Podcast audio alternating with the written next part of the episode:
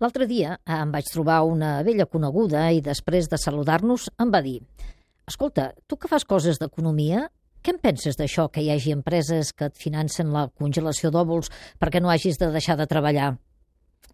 Em vaig fer la gallega i li vaig respondre «I a tu, què et sembla?» Em va mirar i amb un somriure irònic em va dir «Em quedo parada de com en són de bons alguns empresaris. Fixa't que fins i tot s'avenen a pagar-te la congelació d'òvuls perquè, segons diuen, puguis triar quan vols ser mare. I la notícia, va afegir, va arribar després d'indignar-me amb les declaracions de la presidenta del Círculo d'Empresarios de Madrid, que va dir que és millor no contractar dones de segons quina edat perquè la maternitat les blinda a l'empresa per una dècada. Analitzant les dues notícies, però, no hi trobo cap diferència. En una et diuen que millor que no et contractin, en l'altra, multinacionals com Apple i Facebook et posen totes les facilitats perquè no et quedis embarassada en l'època que, segons diuen, és de les més productives de la teva carrera professional. El missatge és el mateix.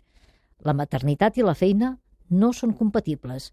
Quina mandra em fa, em va dir, haver de tornar a explicar que la decisió només és nostra i que, com hem demostrat de sobres, som molt capaces de fer les dues coses.